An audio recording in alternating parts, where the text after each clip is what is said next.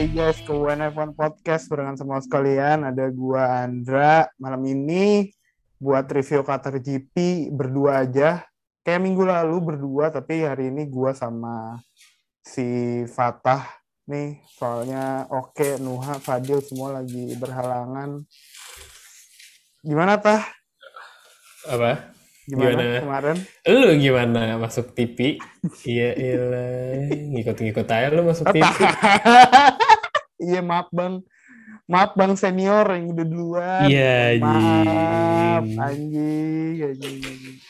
Itulah ya udah, ya, ya terima kasih lah buat apa Ocano, buat Champions TV yang udah ngundang WNF1 buat ngobrol di reviewnya di post race-nya Qatar GP.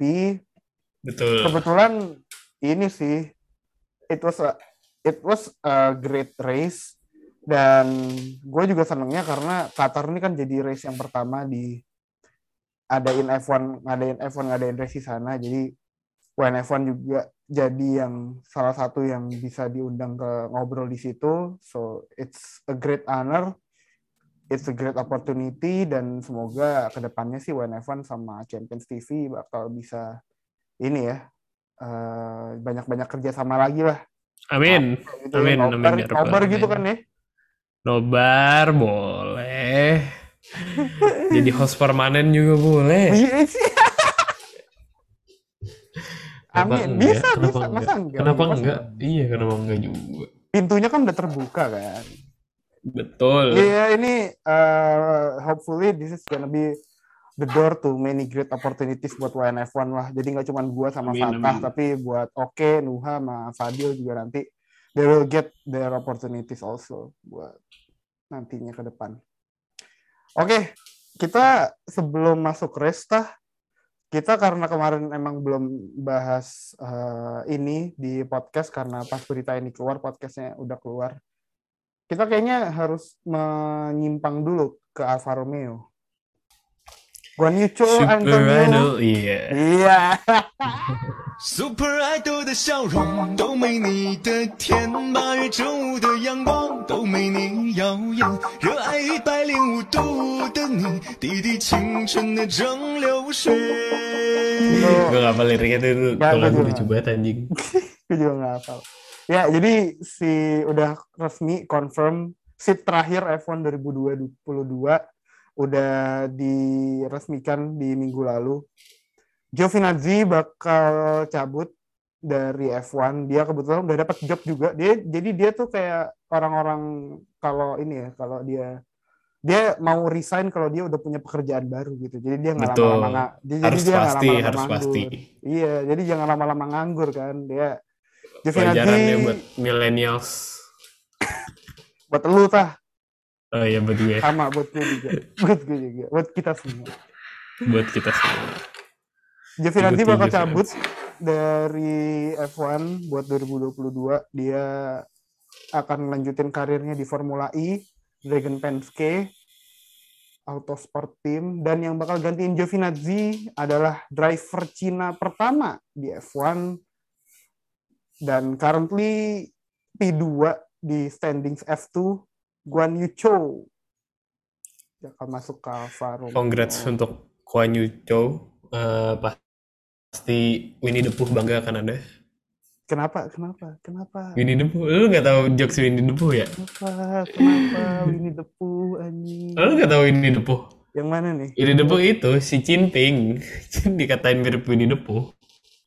Kalau gue masukin kita di, kita dihilangin ya.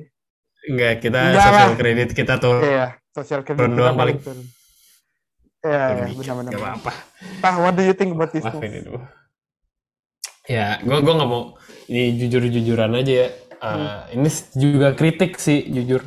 Hmm. Gua nggak suka sama format F2 tahun ini gitu loh. Karena dengan bertambahnya jumlah race per week, justru kita nggak bisa lihat pembalap-pembalap ini momentumnya kayak gimana dan skill mereka kayak gimana gitu. Kalau tahun lalu tuh jelas kan kelihatan kayak yang bagus siapa yang bagus awal-awal awal sampai pertengahan tahun lalu yang bagus tuh Schwarzman, eh, Mac Hmm. bagus, terus eh siapa Ailot bagus.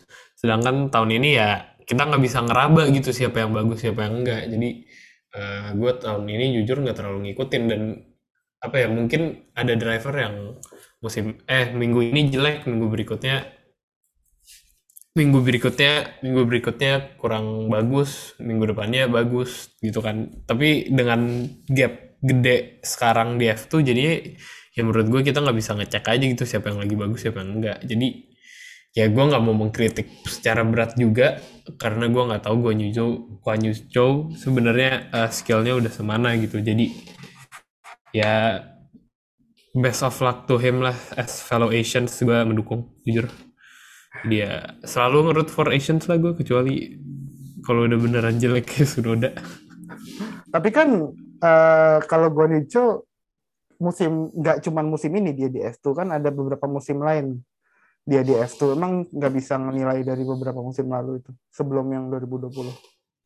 Hmm, ya apa ya mak- maksud gue banyak pembalap yang lebih bagus dari dia. Gue bahkan berharapnya mungkin Ailot sebenarnya yang ngambil ya karena Ailot di di akademi Ferrari juga dan Alfa Romeo masih bagian dari Ferrari Family. pabrikan Ferrari.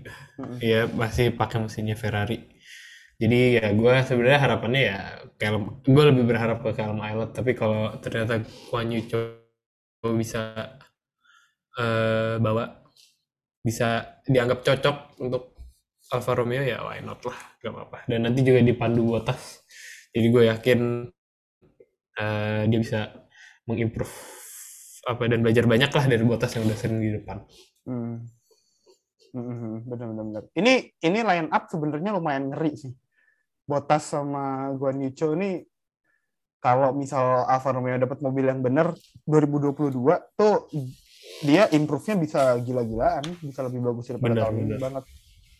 Benar Uh, dia mungkin improve-nya Alfa Romeo bakal berbanding lurus sama naiknya social credit Alfa Romeo juga tuh gimana. betul banget betul banget dan Langsung banyak langsung stonks lah social creditnya ya Iya. Aduh. Dan pasti ya nggak nggak juga ini juga pasti bagian dari eh, mo- marketing move juga kan. Eh, pasti ini bakal narik fans dari Cina. They already get eh, Chinese Grand Prix and now they have Chinese their first Chinese driver. Eh, ya tahun depan tuh ada kan ya Chinese Grand Prix? Eh, seingat gue ada Ada kan ya. Nah Cimiu, Cimiu.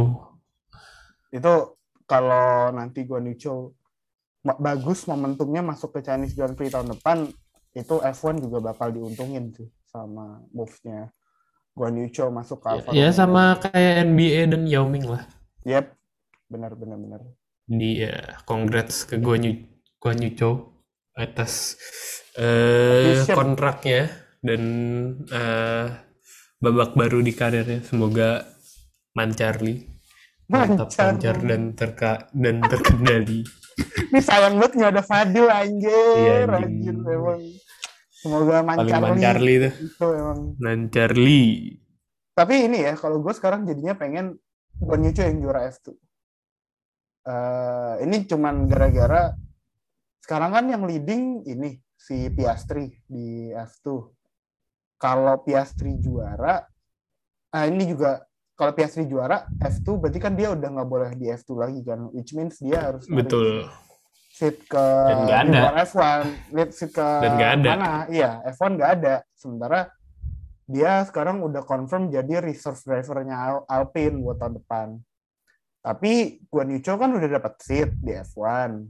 Kalau dia juara Hmm. F2 berarti kan dia emang udah nggak punya kewajiban lagi buat eh, nyari seat ke mana-mana. Jadi supaya Piastri tahun depan masih bisa, gue masih bisa nonton Piastri di F2 karena ini sih kurang sih ngelihat F2 yang sekarang dengan ngelihat Piastri kalau race tiap eh, race weekend tuh kurang sih. Gue butuh jadwal Betul. yang proper buat nonton Piastri di F2. Jadi gue pengennya Eh, Piastri dan Liam Lawson lah menurut gue masih bagus. sama Theo Porsche sih kalau gue. Itu Iya betul. Jadi eh gue harap sih tahun depan gue masih bisa lihat Piastri. Jadi semoga Piastri tahun ini gak juara deh. Juara dua lah. Juara, Juara dua, lah. juara dua. Ah, Semoga Maksimal banget juara dua deh. juara.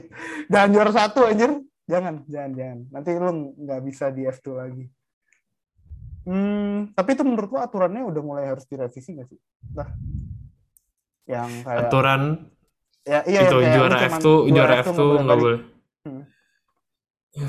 shit nggak nggak ini juga sih takutnya akan ada pembalap-pembalap seperti no offense ya Hmm. Kimi yang ngambil spot pembalap muda yang lebih deserving gitu jadi nggak nggak apa-apa itu ya apa ya Kimi bukan Dia Kimi turun di gitu. F2 ya Kimi di F1 gitu ngerti gak sih maksud gue kayak Ah. Kimi saking lamanya di F1 ah. dia masih karena dia duitnya banyak dan ada proven track record eh, justru jadinya dia apa ya jadi dia stay di tim papan bawah gitu. Sampai anak-anak baru nih nggak bisa naik. Contohnya Callum Aylot padahal kan harapannya Callum Aylot at least dipasangin sama Kimi atau dipasangin sama Giovinazzi gitu kan buat musim ini. Tapi karena masih ada Kimi Kimi masih main balapan jadinya ya jadinya eh Callum Aylot nggak nggak masuk F1 gitu kan. Padahal kan harapannya Ferrari kan gitu.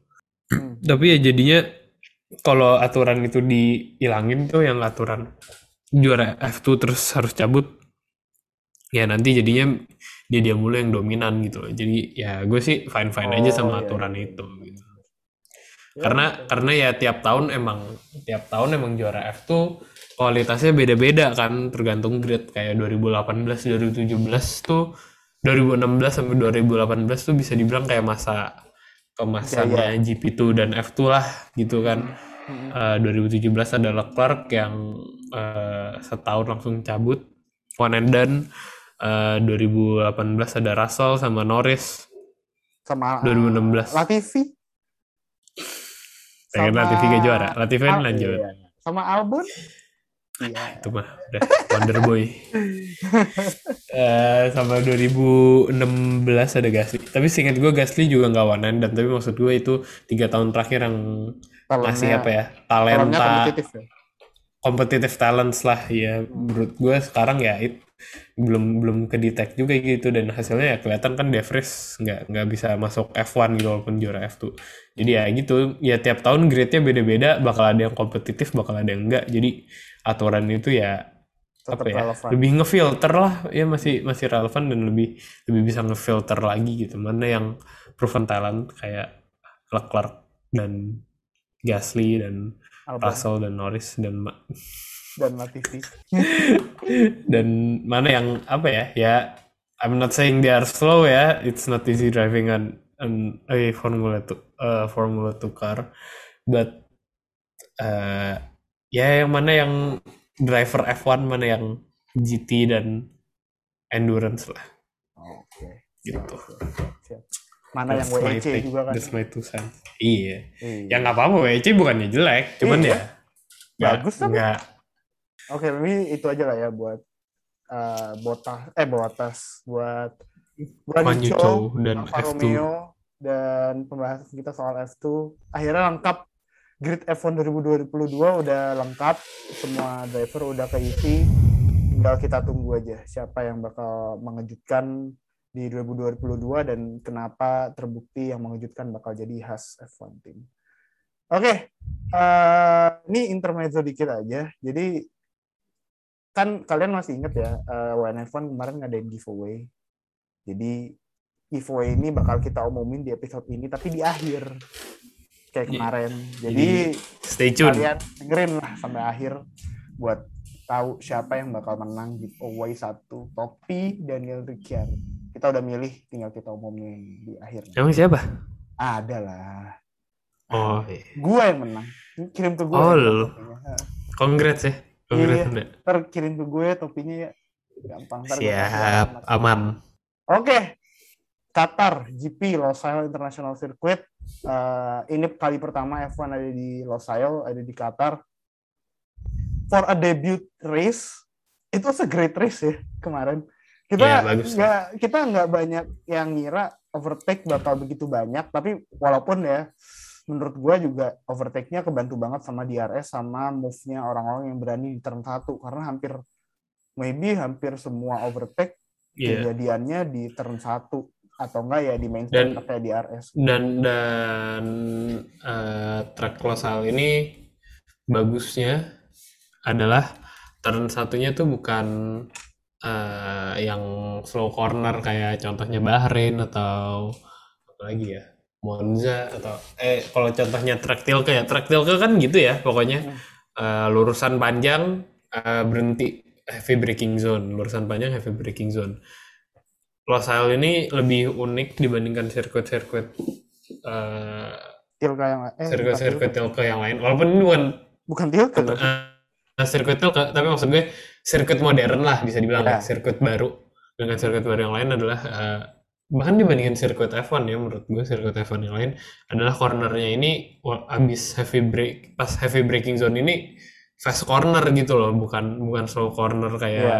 sirkuit-sirkuit yang lain di apa ya lebih men- lebih menunjukkan gigi giginya pembalap-pembalap inilah bahwa pembalap F1 bisa lebih unjuk gigi kalau di Losail dibandingkan kalau di Bahrain yang bisa dibilang ya belokannya tajam-tajam lah gitu dibandingin di Bahrain. Tapi per turn 1 turn 2-nya mirip sih. Kondisinya kan Iya, tapi mirip-mirip skalanya banget. gede Iya. gitu. Radius radius belokannya lebih gede. Kalau Radius di belokannya jauh lah, jauh lebih gede dan secara jarak juga lebih gede menurut gue. Hmm. Iya. Walaupun emang hampir semua overtake kejadiannya di situ ya. Dia kayaknya emang buat mobil F1 nggak bisa ada tempat lain ke- buat overtake. Bener-bener. Karena eh apa ya? Karena mobil musim ini kali ya, mobil generasi ini eh di middle sectornya ini tuh Susah middle sectornya tuh enak ditonton sebenarnya, tapi ya gitu susah ngikutin. Tapi di compensate sama long straightnya yang panjang banget dan uh, final sectornya yang cukup cukup kenceng ya. Jadi mobil-mobil masih bisa saling ngikutin gitu. Ya, buat gue sih ini tipikal sirkuit motor sih emang yang banyak Iya banyak emang emang sirkuit motor. banyak fast corner. Banyak fast corner bukan slow corner ya. Hmm, jadi overtake-nya kan emang kalau buat motor lebih gampang di ya di free flowing free flowing circuit Iya, yang lebih banyak betul. high speed corner tuh buat motor tuh lebih enak ditonton. Jadi Iya betul. Soalnya apa kalau motor nggak bisa lah kayak di F1 yang eh slow corner kayak contohnya Monza atau Bahrain gitu ya. Eh wah, sorry, langsung Eh, langsung Monza ya, dan Bahrain. langsung mati tuh kalau ada itu Iya susah dan dan basi juga ya pasti. Jadi Hmm. kalau emang ini kan track yang dibangun untuk motor kayaknya jadi lebih apa ya? Iya bener sih yang lo bilang yang flowing gitu ya lebih Hmm. eh, ngalir aja gitu loh Yap, dibandingkan eh, kalau track F1. Oke, generally speaking about the track and about the race, nah what do you think? Karena kemarin kayaknya gue lihat di Twitter lu rada nggak suka sama tracknya, tapi bukan dari sisi race-nya malah. Bukan dari Gue sisi- suka race-nya. Race-nya ya Iya, bukan dari sisi race-nya ya, yang lu gini suka. ya seperti yang kita selalu iya seperti yang kita bilang tahun ini lah ya bahwa eh, standar balapan musim ini tuh udah naik banget lah udah ditendang dari dramanya di setiap race antara Verstappen dan Hamilton dan dari segi balapannya juga bahkan ya seperti yang kita selalu bilang Prancis sama Rusia aja tahun ini Bisa seru gitu loh track-track yang kita anggap track sampah sebenarnya kan. Hmm. tapi yang gue benci banget tuh atmosfernya atmosfernya tuh nggak enak banget dibandingin dibandingin Bahrain. Hmm, kalau kita mau bandingin sirkuit yang sama-sama gurun dan sama-sama Middle Eastern ya dibandingin Bahrain ini track paling basi yang pernah gue tonton. Eh apa ya kayaknya nggak ada track yang sebasi ini deh. Track yang sebasi ini apa ya? Nggak ada pak. Pak, bukan enggak, yang gue benci yang gue benci tuh bukan di gurunnya tapi kosong gitu. Kosong banget. Di Bahrain tuh eh, kalau kita lihat middle misalnya kita bandingin middle sektornya Bahrain ya. Turnnya itu kan rata-rata kenceng. Dan kanan kiri tuh langsung apa eh, run off area. Jadi feel yang didapat tuh sempit gitu. Hmm, dan isinya lampu di mana-mana. Terus ada grandstand juga. Satu lagi grandstandnya kan kayak belak- depan belakangan gitu kan. Iya. Eh, back straight sama main straightnya kan. Eh, dan kalau yang kosong di Bahrain tuh cuman di straight yang terakhir tuh yang straight yang nggak ada DRS-nya Iya. nah itu walaupun kayak gitu tapi Bahrain tuh masih ada atmosfer serunya Enggak, gitu loh. straight yang itu justru ada ada penontonnya, Pak.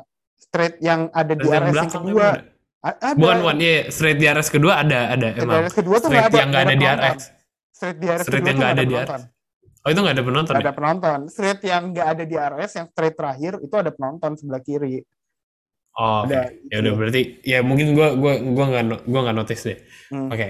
Tapi yang gue benci dari Losail tuh eh kayaknya gue nggak tahu kenapa tapi feel yang gue dapet tiap nonton mobilnya tuh di sektor-sektor akhir di beberapa tikungan terakhir tuh mereka lamban dari sudut kameranya gue nggak tahu ini settingan kameranya yang mungkin F1 ngambil angle-nya kurang pas penempatan kameranya tapi menurut gue tiap gue lihat mobilnya itu lewat kesannya tuh lamban gitu. Gue bahkan kan ngira "Lah, ini kenapa lambat banget? Terus ternyata emang mereka itu cruising speednya gitu. Terus yang gue benci itu middle sectornya benar-benar kosong nggak ada apa-apa. Bener-bener nggak ada nggak ada serunya sama sekali nggak ada penonton yang cheer gitu atau apa nggak ada. Bahkan di di main streetnya sekalipun tuh itu aduh Eh, basi Gue basi tuh baru banget inget menurut gue jarak jarak dari tempat penonton ke main street hmm? eh, kelintasannya itu kerasa jauh apa emang jauh ya? gue nggak tahu tapi Tapi emang rasanya jauh Kerasanya jauh Kerasa- sih. Kerasanya rasanya jauh Eh, atau mungkin penontonnya yang nggak serame itu mungkin Qatar lebih suka motor sebenarnya orang Qatar ya Enggak, orang motor Qatarnya- daripada ini. katanya itu termasuk yang highest attendance loh kemarin. Oh ya Justru iya. gue ngerasanya kosong Iya, emang. Seriusan? emang. Rasanya kosong. gue ngerasanya kosong apa nggak tahu masih di, apa masih di limit ya? Masih dibatasi? nggak tahu masih di limit apa enggak tapi setahu gue setahu gue sih enggak ya tapi ya gitu gue nggak tahu kenapa tapi atmosfernya gak enak enggak tapi dibandingin tahun lalu deh kita bandingin tahun lalu sama yang kosong ya kayak eh, Austria bahkan menurut gue masih enak gitu dilihatnya tapi ini udah kosong hampa gitu rasanya dan Ya. lebih agak creepy lah. Gue setuju sih di hampa tuh second apa di sektor duanya tuh beneran aduh kayak bener-bener ini ada- apaan kayak kayak kota mati. Iya, bener kayak kota mati. Kayak nggak ada atmosfernya di sana. Kalau kayak Bahrain gitu ya, gue nggak tahu ya kalau Bahrain itu floodlights-nya mendukung, jadi kayak kayaknya floodlights-nya agak lebih banyak ya. Jadi lu Iya, melihat Bang. mobil di bawah lights di Bahrain itu keren jelas, tapi kalau di sini ah, kalau di sini gloomy kayak Hmm, iya. sedih gitu Kayaknya ada kemungkinan di desain run areanya sih. Ini kan ini kan track motor ya. motor ya makanya sekali lagi itu track motor Gravel jadi bed, gravel bed itu pasti lebih lebih lebih gede. lebih gede harus lebih gede daripada kalau di track gua rasa, F1 ya gua rasa itu sih yang bikin itu yang bikin jarak antara eh, run off area sama tracknya tuh jadi kelihatan. Ini track kok luas banget, Dan tapi kosong nggak ada gitu ya. apa-apanya gitu ya. iya iya kosong. bener-bener mungkin mungkin itu itu kali ya Mm-mm. karena apa run off areanya gede dan emang untuk emang untuk motor kan jadi ya gitu deh menurut gua nggak aduh atmosfernya nggak sih? Gua gua nggak pengen sih F1 balik lagi ke sini. Ini pertama kali gua kayak jangan balik lagi ke sini dan bukan gara-gara racingnya Iya, bukan gara-gara racing ya, gara-gara gara-gara aduh hawanya nggak enak gitu hawanya nggak enak. Serem gitu sih ngeliatnya kayak kayak serem. iya kayak udah malam-malam kosong tengah gurun. Enggak, gue sih gue sih ngerasanya kalau Evan emang mau balik ya, uh, they gotta do something with the grandstand di main street sih minimal. Either mungkin Iya, diramein lah. ditambahin, ditambahin kapasitasnya. murahin nah nggak nggak jangan dimurahin sih Ya, ya, ya, apa ya. ya Kayaknya Qatar nggak termasuk nggak ini sih. oh Mereka suruh staffnya suruh staffnya jadi penonton bayaran buat ramein gitu Hmm, lu kira. lah suruh ini aja lah volunteer volunteer kan ada tuh volunteernya suruh ramein gitu Padahal kemarin Bisa lumayan ini ya, maksudnya buat non-track events itu kemarin lumayan banyak spectacles.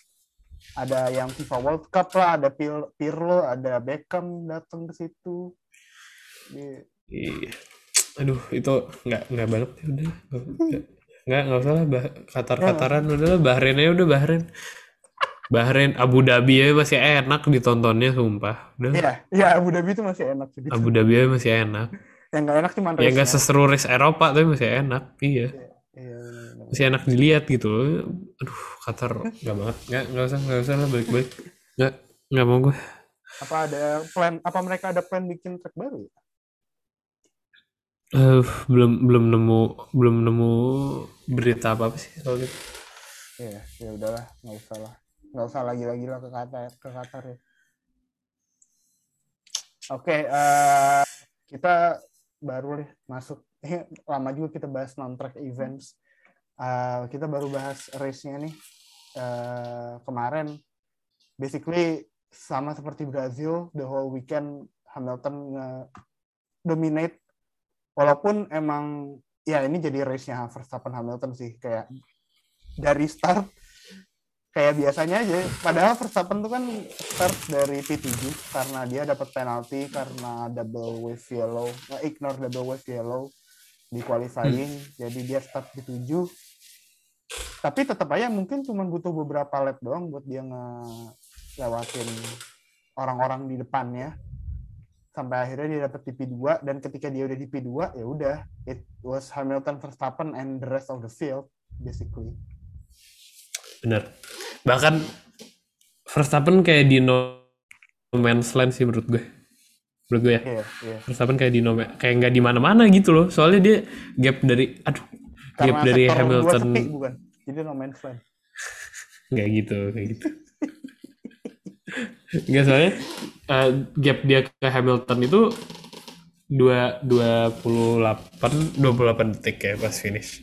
Ya, gap pas finish. dia ke Alonso 33 detik. gitu. Jadi eh 25 sorry 25 detik. Hmm. Tapi kan Gap dia ke Alonso finish. 33 detik. itu kan pas Iya, tapi dia kan- pas dia dapat dia pit lagi buat ngambil fase flat. Tapi the whole race ya mungkin 8 9 detik, 7 detik, 6 detik segitu-gituan sih paling. Tapi ya nggak bisa improve Bener. banyak juga. Eh, Iya, susah. karena- Ah, Ini juga karena dia PT. iya. Apa apa apa yang bisa diimprove menurut lo? Hmm, nggak tahu sih. The car kayaknya straight line speed harus bisa minimal ngimbangin Mercedes. Karena gue lihat kalau di sektor 2 kemarin beberapa kali Verstappen malah bisa ngekat jaraknya ke Hamilton tuh di situ di sektor 2 Mm-mm. begitu Iya, masuk ke habis itu baru mulai satu lagi, ketinggalan gitu ya. yang udah main straight panjang, nah itu di situ dia ketinggalan lagi sama Hamilton. Tapi ya basically kemarin berdua ini cukup imbang, tapi emang karena gap di awal yang udah agak jauh, jadi Hamilton Verstappen basically nggak bisa ngejar Hamilton. Hamilton ya udah eh, bagus aja di depan. So kalau lu yang impresif dari Hamilton kemarin apa berarti? Kan kalau gue nggak bisa bias pasti kan. Kalau lu kan unbiased. Apa ya yang impresif menurut gue em, ini win keberapa 102 100 Shit, man. Iya 102. iya Sama 102. 102 pol nggak sih? Ingat gue kemarin. iya ya, kalau nggak salah uh, iya 102 Eh, kalau nggak salah pol. it's impressive all around lah menurut gue ya Hamilton Hamilton dan Mercedes jangan bilang ke Red Bull kayak ya ini kita belum kita belum nyerah gitu masih masih ada nih nih Red Red Bull nih Mercedes nih masih masih di sini gitu loh jadi there's still a fight going on gitu lah maksud yang dikatakan Mercedes adalah basically lu jangan nyantai-nyantai dulu lah habis menang tiga kali berturut-turut. Eh berapa? Berapa kali total? Nggak tahu. di kan. eh berapa? Hmm, Iya pokoknya sering lah banyak menang kan ya banyak menang. Terus Hamiltonnya Hamiltonnya lagi turun. Heeh. jadi ya ya itulah yang yang di yang dikatakan Mercedes dan Hamilton bilang ya ini kita masih juara bertahan gitu jadi ya ini talking pointnya sebenarnya sama sama minggu lalu sih gue dan ya. Gue gue there's nothing much to say menurut gue ya. Di momen-momen kayak gini soal yang, Hamilton. yang gue sempat baca di Discord kita di momen-momen kayak gini yang emang pengalaman yang ngomong emang. Hamilton sama Mercedes udah berapa kali juara, berapa kali mereka ada di situasi kayak gini kan. at least at least di musim inilah. Eh, eh sorry at least di era hybrid ini. Hmm. Vettel Dan yang sedangkan- selama ini kan dia Kata- udah pernah battle sama Vettel yang udah pernah sempat ketinggalan kan sama Vettel. Tapi Sering. ternyata dia bisa dia bisa comeback yang kayak bisa yang kayak comeback sama Max juga sempat ketinggalan jauh Iya, makanya. bukan bukan sama Vettel doang jadi ya Kalau Max sama Max ketinggalan jauh, gue nggak ngitung sih. Itu dia nabrakin diri dua kali sih, jadi nggak nggak ngitung dua kali. Saat, saat, gue masih Eh, gue masih salty kalau gue masih salty kalau soal itu. Ya, nggak, apa-apa. Kalau kalau nggak ada dua race itu gapnya lebih jauh anjing. kurang ajar. Bisa kayak gitu. Ya. Kalau kemarin sih gue ngelihatnya eh, Hamilton, Mercedes lagi-lagi kerap ya buat mobil kombinasi mobil dan segala macam. Kayaknya Verstappen kemarin bisa nge-match Hamilton di beberapa tempat, tapi at the end of the day kombinasi Mercedes kayaknya mobilnya udah lebih stabil, lebih balance daripada mobilnya Red Bull. Jadi Hamilton lebih pede buat nge drive the car to the limit walaupun emang Yep. itu di track yang baru gitu. Track yang notabene Yep. belum pernah ada yang main di sana. Jadi belum pernah ke- sama sekali ini lebih kemarin tuh lebih ke testament kalau Hamilton udah lebih pede sama mobilnya di uh, buat ngedrive the car to the limit. Uh, Verstappen mungkin Benar. pede tapi he's not driving the car as much to the limit as Hamilton did gitu.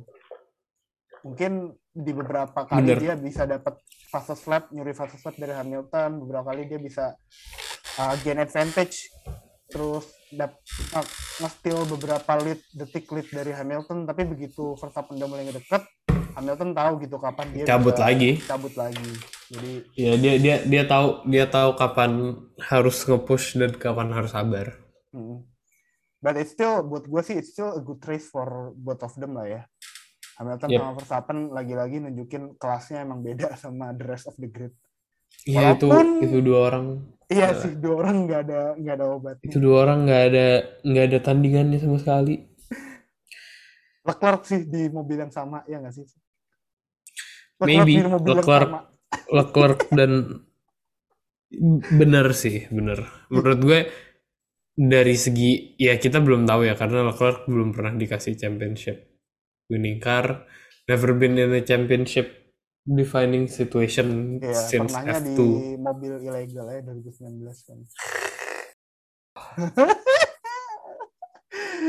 Lah.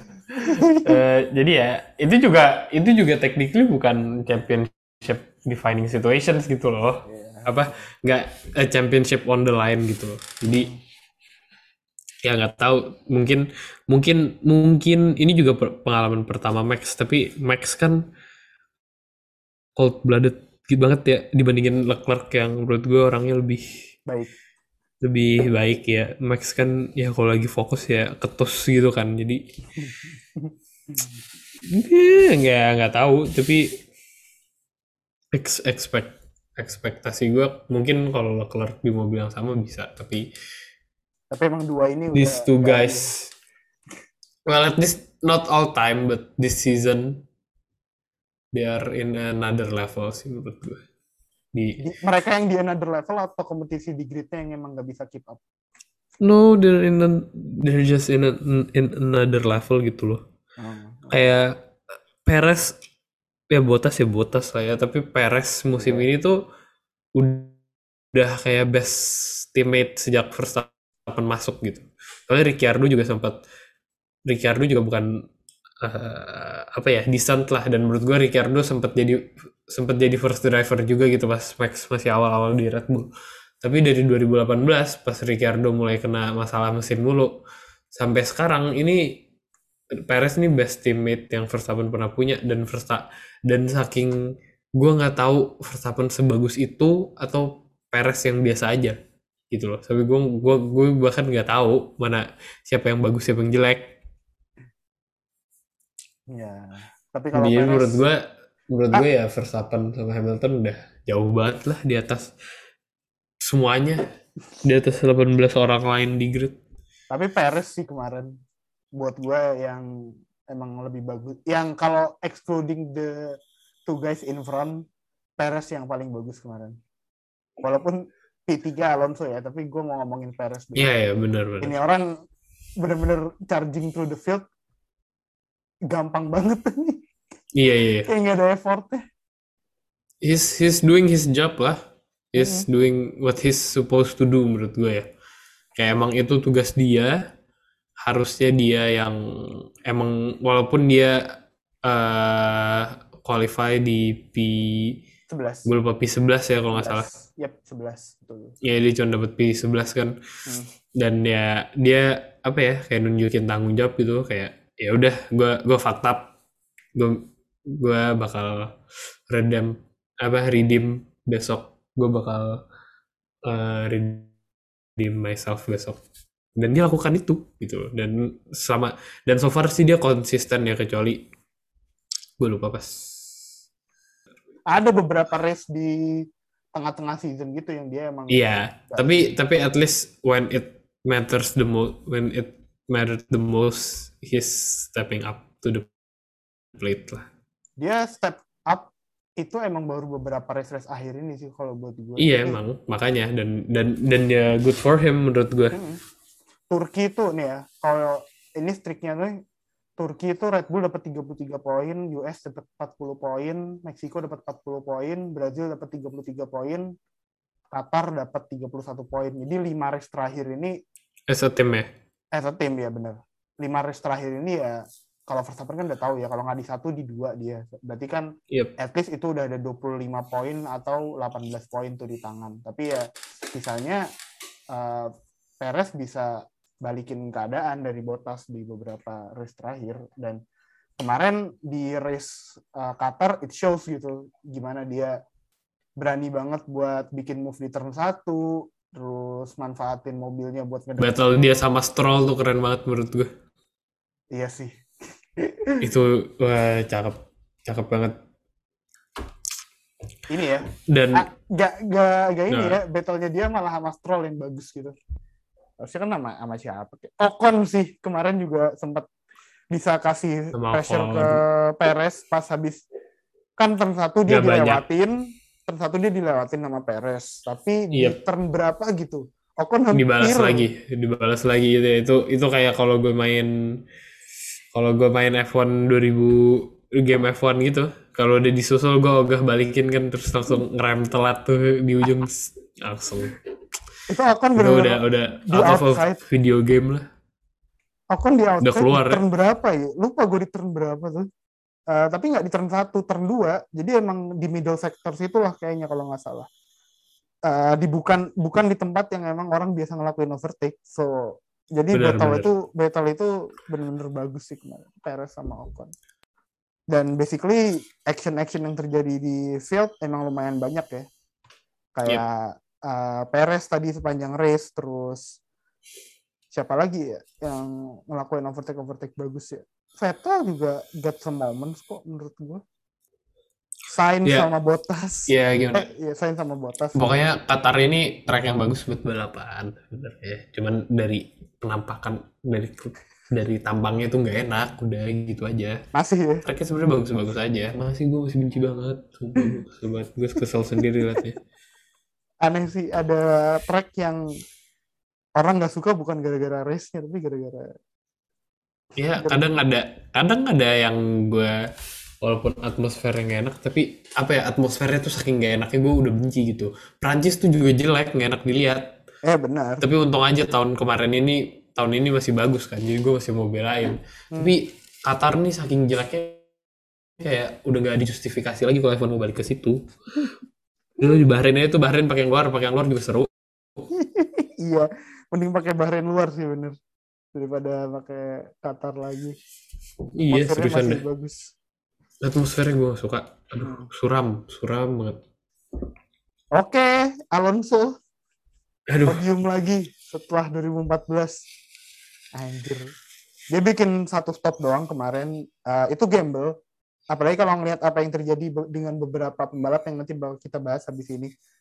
Tapi eh, dia bisa stay di posisi itu dia start dari P3 terus ya udah sepanjang race dia basically sempat naik P2 tapi habis itu ya Verstappen lewatin dia. Verstappen balik lagi. Dan Ah. dan dia sempat turun juga kan ah, sampai akhirnya. Sebenarnya kalau kita mau fair-fairan ya Perez tuh P3 gitu Iya, iya. tapi karena Red Bull mutusin buat pit jadinya dia cuman bisa recover sampai P4 kan setelah turun ke P7 Mm. Tapi menurut gue Alonso ini satu-satunya dua sih alasannya kenapa Alonso bisa nahan ban sampai selama itu. Satu pengalaman, dua WC. bener sih. Iya. Itu dia berapa tahun di di Lemong, di WC, ngikut WC, ya tugasnya salah satu tugasnya kan nahan bensin sama nahan ban ya. Jadi ya Iya. udah biasalah udah jadi makanan sehari-harinya sehari-hari gue bos gitu. Mungkin Kalau TikTok gitu. apa ya Nggak yang nggak nggak tahu gue nggak tahu gue sama gitu. Ya, Mungkin gitu. kalau mana ya Turki ya kemarin. Tuh Turki kalau Alonso disuruh satu pit mungkin bisa. Eh nggak pit bisa kali. Kayak Ocon. Iya ya, bisa sebenarnya. Bisa kali. Aja bisa. Dan Tapi dia kemarin apa ya? Nah, nah, nah, sorry. Eh ya kemarin lagi-lagi pembuktian kalau Alonso he still he still got it walaupun memang Iya, eh, di beberapa aspek dia nggak sebagus dulu lagi tapi di aspek-aspek yang penting kayak how he manage the tire dia lebih dewasa terus dia manfaatin mobil Alpine Lebih yang mungkin kalem. sekarang lebih ini ya lebih kompetitif daripada mungkin beberapa tahun yang lalu so. Ini lagi-lagi tes teman kalau buat Fernando. Rookie terbaik tahun ini Eh, ya itu aja ngebuktiin bahwa pengalaman kan Gasly turun. 11. Gasly turun ya Iya, padahal dia Seberapa start dia? depan. ya Allah ke 11. 11 anjir start P2 anjing padahal ya itulah Ya, Karma. ya itulah pengalaman. nggak karma kalau itu Aduh. Karma kenapa tuh? Mungkin ada yang nggak nonton tapi dengerin podcast. Eh, jadi pas qualifying dia melakukan kesalahan di turn terakhir yang jadinya puncture. Terus dia berhenti di samping track ya kalau nggak salah dan menyebabkan Di samping yellow. main straight. samping main straight kan menyebabkan Iya. double double wave yellow yang akhirnya di ignore sama Verstappen dan menjadikan dia harus turun jadi P7. Sementara Gasly-nya dari P berapa tuh dia? Akhirnya malah jadi masuk ke P2 startnya. Emang kurang ajar nih. Dari P4. P4 ya, karena Bottas sama Ya, soalnya Verstappen-nya Bottas, karena Bottas turun, Verstappen turun. Jadi Harus. dia eh, dari P4 dan Alonso dari P5. Iya. Dan ini ya, eh ngomongin soal penaltinya itu, ternyata gue baru tahu bahwa mereka se, si Stewart ini kayak semeratin itu gitu. Bahwa Verstappen yang dilanggar adalah double wave yellow dan Bottas yang dilanggar adalah single wave kan. Yellow. Nah, tapi yang gue kaget adalah banyak miskom gitu loh di Qatar ini. Uh, Hmm. Kemarin ada yang point out di Twitter kalau nggak salah F1 speed ya. Uh, jadi di race control itu masih green flag, tapi Marshall ngeluarin yellow bahkan double wave gitu. Dan menurut gue ya yang yang lebih logis double wave lah ya. Mm-mm. Mm-mm. Dan masalahnya adalah di kalau kita lihat onboardnya Verstappen tuh nggak ada ini. Yellow flag di Iya, iya, iya. dash dashboardnya tuh nggak ada. Dan gue yakin kalau ada double kalau ada yellow flag di dashboardnya itu. dia pasti bakal dia bakal ngelambatin diri. Tapi kan enggak gitu loh. Kan nggak ada. Jadi nggak bisa dijustifikasi juga menurut gue. Karena itu dua hal. Pertama mungkin Verstappen ngejar pole. Jadi gue ngerti lah kenapa dia ngebut. Tapi at the same time di samping ada mobil berhenti gitu loh. Jadi nggak bisa ngebut juga gitu. Kalau lu pakai logika kalau lu pakai logika aja gitu ngelambat dikit lah. At least lepas gas sedikit. Benar. jadi ya menurut gue the penalty is deserved tapi there's a lot to improve. Menurut gue ya dari sisi stewards dan Iya. Ya itu juga kalau balik lagi eh ya. sorry sorry race director dan race control gitu. Itu juga kalau balik ya lagi. not not only in Qatar tapi in Saudi lah yang, yang oh iya, track Saudi baru masih baru. ya. Iya, iya, iya. Lihat. Iya, lihat. jadi ya itu yang gue takutin di Saudi bakal kejadian yang sama dan lebih bahaya lagi malah di sana street circuit. Sirkuit. Nggak ada runoff. Iya, makanya lebih lebih ngeri lagi. Jadi jangan jangan gitu ya lain kali ya. Itu udah street circuit kenceng lagi kan. Kalau ngelihat tracknya kan. So, bahaya lah kalau ada kalau ada miskom. Ya, ini juga membahayakan nih kalau misal nanti kejadian di Saudi Arabia, tapi semoga enggak. Tiga driver kemarin kena puncture. Eh, Bottas, Russell, Latifi, sama Norris. Norris juga ternyata kena puncture. Eh, tapi nggak Yep. sampai yang parah. Untungnya untungnya di di di prevent dengan baik ya dari Hmm. dari tim McLaren. Tapi dia masih bisa, at least dia masih bisa balik ke pit, terus masih bisa ganti ban. Masih bisa balik ke pit dengan normal lah. normal. Apa?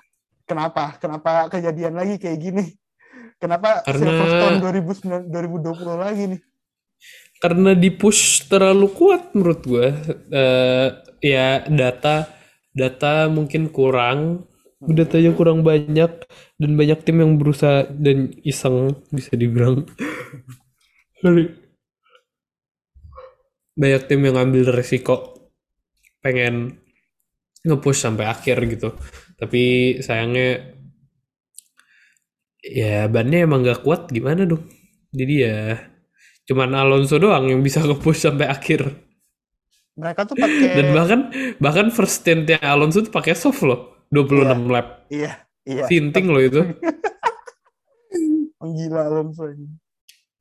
Dia tuh Gila. bannya ban apa ya? C C berapa ya kemarin tuh? Ah, itu C3, C2, C1 udah paling Oh, keras udah paling padahal. paling keras ya. Udah paling udah mentok udah mentok kanan itu, udah rata kanan. Eh yang yang tahan gue baru nyadari juga yang nggak tahan lama tuh hard gitu, bukan medium. Hmm. Vettel bawa medium sampai 30 lap. Eh yang puncture tuh siapa aja gue lupa. Eh Mick Botas. Mick Schumacher eh eh sorry mungkin batasnya di 30 lap ya. Me, eh, Bottas itu mediumnya 36 lap. Mick Schumacher mediumnya juga 36 lap. Jadi ya itu mungkin batasnya ya sekitar 30 lapan itu yang Eh, Mick Mick pang. Eh sorry sorry. Latifi sama Russell. Ada H1 Bang. Eh Oh, oh iya. enggak Mick ngelebar doang ya. Mick Mick ngelebar. ngelebar doang. Sorry sorry lupa. Latifi sama Russell kemarin.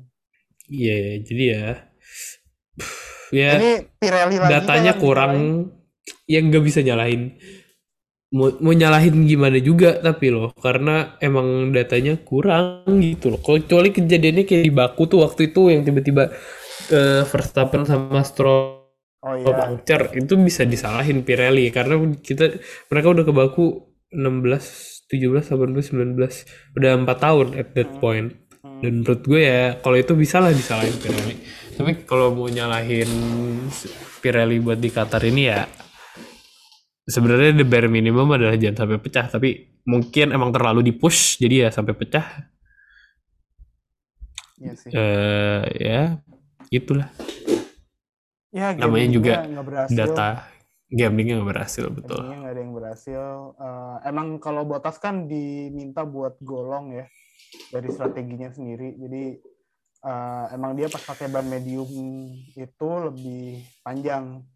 Pas eh, Perez udah masuk buat second pit stop, si Botas minta di lebih jauh lagi, minta sampai akhir. Dia mau, dia kayaknya mau nyoba satu stop deh itu. But I don't, iya dia mau nyoba satu stop juga. Tapi Betul. Ya, uh, you have to take your chips out of the casino before you lose everything lah. Tapi Jadi ya, ya while you're still winning, you need to quit Botas jadi- tuh akhirnya Botas tuh akhirnya nggak sih nggak ini ya DNF ya. DNF ya. Tuh damage-nya kebanyakan kayak. Iya. Latifi juga akhirnya DNF. Russell masih bisa finish. Masih bisa finish walaupun dipisah bentin di belakang Haas. Ya damage nggak Di depan Has kok. Tapi nggak dihitung ya kalau depan Mazepin ya. Iya enggak lah. Jadi itu itu kayak enggak dihitung. Itu kayak lu finish depan safety car. Nah, Ah, oke siap. atau depan medical car. Nah, tuh. Oke, siap, siap, siap, siap. Eh, jadi Aduh. lumayan banyak nih eh, yang kita bahas buat hari ini. Eh, overall it was a good race, tapi yang emang lebih bisa di-improve adalah atmosfer di sekitar track itu. Jadi semoga kan ini tracknya udah kontrak 10 tahun ya dari 20, 20, 2023 jadi Hah? kalau- iya kan dari 20, 2023 dia kontrak 10 tahun udah jadi entah lo harus kuat-kuat sih lihat nonton nonton di Qatar. Oh iya anjing. Gue baru tahu. Kuat-kuat juga tah. Udah. Eh, ya udahlah masih dua tahun lagi kan tahun depan nggak ada kan? Tahun depan Ya tahun depan dia tahun ini depan nggak ada. renovasi renovasi renovasi tahun depan renovasi. Ya gitu dong. Baru 2023 dia semoga lebih bagus lah atmosfernya daripada Amin. Ramein dikit lah ramein. Tuh tengahnya kosong banget. Sumpah istilah tengahnya pakai apa kek? apa? Apa Ya, gitu? Apa kek? Iya. Run off-nya dikasih motif sih lucu sih. Kayak Bahrain kan Iya ada kayak gitu bisa. kan. Run off-nya Iya ada Bahrain tuh motif iya kan. blend banget soalnya sumpah. Jadi ya, ya gitulah yang kayak gitu-gitu gimmick-gimmick apa kayak tambahin di sirkuitnya kan. Iya, gimmick-gimmick kayak gitu tuh kadang norak tapi menghibur. Jadi ya udahlah, pasang aja kalau ada gimmick. Udah oke. Eh, selanjutnya seperti biasa kita enggak sih kayaknya buat kali ini kita nggak ba- bakal bacain standings karena Tidak ada karena lupa. ada ada enggak ada announcement yang lebih penting daripada standings. Oh iya. Ya kita baca top top top 10 standing saja ya buat sekarang ya. Iyalah biar Eh, driver eh, ada Verstappen di posisi satu eh, memimpin Lewis Hamilton perbedaannya 8 poin. Di Hmm. eh, Hamilton posisi 2. Bottas memimpin Sergio Perez dengan beda 13 poin. Di posisi 5, 6, 7 ada perebutan sengit antara Lando Norris, Leclerc, eh, Charles Leclerc, dan Carlos Sainz Jr. Yaitu perbedaannya Norris dan Leclerc hanya berbeda satu poin, sedangkan Carlos Sainz berjarak Bentar, ini koma-komaan, jadi gue ngitung dulu. Tujuh setengah poin. Kapan? Daniel Ricciardo dan Pierre Gasly akan berebutan posisi 8 nampaknya untuk dua race terakhir yaitu berbeda hanya 13 poin. Di posisi 10 ada Fernando Alonso dengan 77 poin. Nah, untuk constructors Mercedes memimpin Red Bull dengan beda 5 poin. Iya, kemarin bagus. Ferrari memimpin McLaren dengan perbedaan 39 poin. Nampaknya agak Nampaknya in the nampaknya back. Nampaknya Tapi gue nggak mau ngejinx, Ah. tapi nggak usah lah ya. Jadi ya udah, nggak belum lah, belum menang ini mah. Ini ya, gua gua gua singkat aja ya kondisi ini ya. McLaren belum nemu formnya setelah Sochi. Jadi se- setelah Sochi Iya. semuanya amb- ambiar McLaren. Ambiar banget, bener-bener. Padahal itu momentumnya bagus banget tuh kalau dari menang di Itali, habis itu menang lagi di Sochi. Bah, Iya. Tapi ya, Udah. ya udah. kayaknya tinggal smooth sailing. Tapi karena balik kiri, jadi ya gitu. Di posisi 5 ada Alpine dan Alfa Tauri yang tampaknya akan memperebutkan posisi 5 untuk dua race terakhir, eh, untuk dua race terakhir. Di posisi 7 ada Aston Martin dengan 77 poin. Posisi 8 ada Williams dengan 23 poin, Alfa Romeo dengan 11 poin dan tebak poinnya khas berapa Andra? Nol lah. Iya. Nggak ada, nggak ada poin. Nol. Masih- Aduh. At least dapat kek.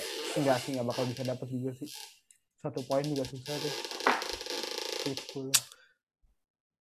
Oke, eh, itu pengumuman singkat dari standings. Sekarang yang sudah ditunggu-tunggu, Selama berapa lama sih? Kita ngumpul ngumuminnya kapan sih? kita kan ngumumin tanggal 9, terus kita tutup tanggal 16, terus sekarang udah tanggal 22. Udah dua minggu ya? Lama, lama, lama, emang lama. Lama ya? Gue gue sampai nggak nggak. Jadi kita teri- berterima kasih banget buat teman-teman yang udah eh, ngumpulin ceritanya. Lumayan banyak, gue cukup kaget dengan antusiasnya. Eh, jadi terima kasih banyak buat teman-teman yang udah dengerin, udah cerita episode favoritnya. Semoga di setelah satu tahun dan seribu followers ini WNF1 bisa tetap naik kualitasnya. Amin. Kita bisa tetap menghibur kalian. Kuantitasnya juga. Amin. Kita bisa tetap menghibur kalian dengan lebih baik lagi di season depan, season depannya lagi, dan mungkin seterusnya. Sampai WNF1 jadi podcast F1 terbaik di Indonesia. Amin. Kita bacain nggak? Bah, yang menang? Lu aja deh. Iya. Oke. Jadi buat pemenang satu topi Daniel Ricciardo McLaren adalah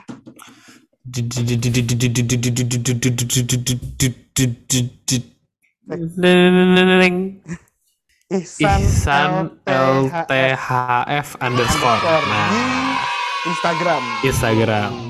Congrats Congrats buat untuk Ihsan. Gue bacain ya ini ya eh, apa komennya dia. Komennya, baca baca baca baca. Jadi dia episode di lab 49 GP Belgia sangat mewakili sekali keresahan menunggu selama 3 jam plus plus. Eh taunya cuma konvoy dua lap. Banyak kejadian kocak mulai dari laga Bundesliga. Bundesliga ini. Ada pit crew yang kepleset, julid kemasi yang sangat mewakili. Ya, emang emang UNF1 kalau julid pedes. Aduh. Gak ada yang ngalahin. Gak ada yang ngalahin. Dua pembalap go-kart, Mazepin fase lap sampai Russell podium as Williams driver. Nunggu sampai tengah malam saat sedang KKN di posko. Wah, anjir. Kasihan juga. Lagi KKN tapi tetap nonton F1. Keren. Keren banget. Tidaknya nggak terlalu tawar karena kejadiannya kejadian-kejadian kocak.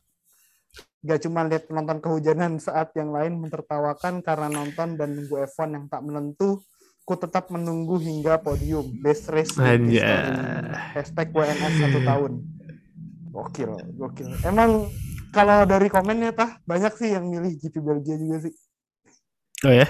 Iya. Jadi yang Bazi. lumayan favorit tuh kalau gue lihat kalau nggak yang lap 49 itu yang Monza pas Daniel Ricciardo menang. Pas yang topi yang punya topi ini menang.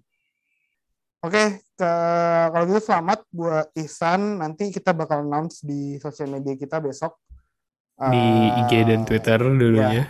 setelah ini ya setelah podcastnya rilis kayak kemarin dan nanti buat Ihsan kita bakal DM via Instagram karena tadi dia komen via Instagram Betul. kita DM via Instagram buat alamatnya nanti Fatah udah siap kirim ya topinya ya Tinggal masukin box, Hmm, tinggal Belum kan? tambahin. nggak lu pakai kan topinya Gua gua live dulu ya. Tai. Enggak lah, enggak. Nggak usah dipakai. Enggak lah. Harus menjaga kualitas. Masih baru masih fresh Masih Jadi- baru, masih fresh, masih di plastik. Nggak pernah dibuka. Yes Nyentuh topinya aja nggak pernah gue, sumpah deh. nyentuh plastiknya doang Cuman ya. nyentuh plastiknya doang. Nggak pernah gue buka-buka.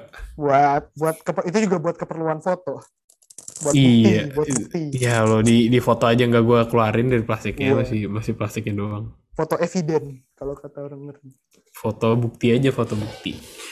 Ya jadi congrats Ihsan, Yoi, Semoga- kongret. lo suka topinya. Semoga lu juga Suka lah ya, Ricciardo suka. lah ya. Semoga lu kebetulan Iya. fans Daniel Ricciardo juga, jadi bisa pakai topinya ke mana-mana. Eh, dan juga thank you buat semua yang udah ikutan ya. Eh, ada banyak submission yang masuk ke kita. Eh, we really appreciate all of it. Kita bacain satu-satu semuanya. Eh, thank you buat supportnya selama satu tahun terakhir. We hope that we can get ourselves back together buat tahun kedua.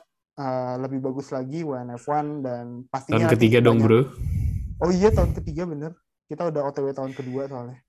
Eh kita ud- bakal pasti nanti ke depannya bakal bakal banyak project-project kayak gini lagi lah. So stay tune aja di sosial medianya WNF1. Sip, thank you Tah udah nemenin buat review Qatar malam ini. Eh kita bakal ketemu dua minggu lagi ya berarti ya Saudi ya. Betul Saudi.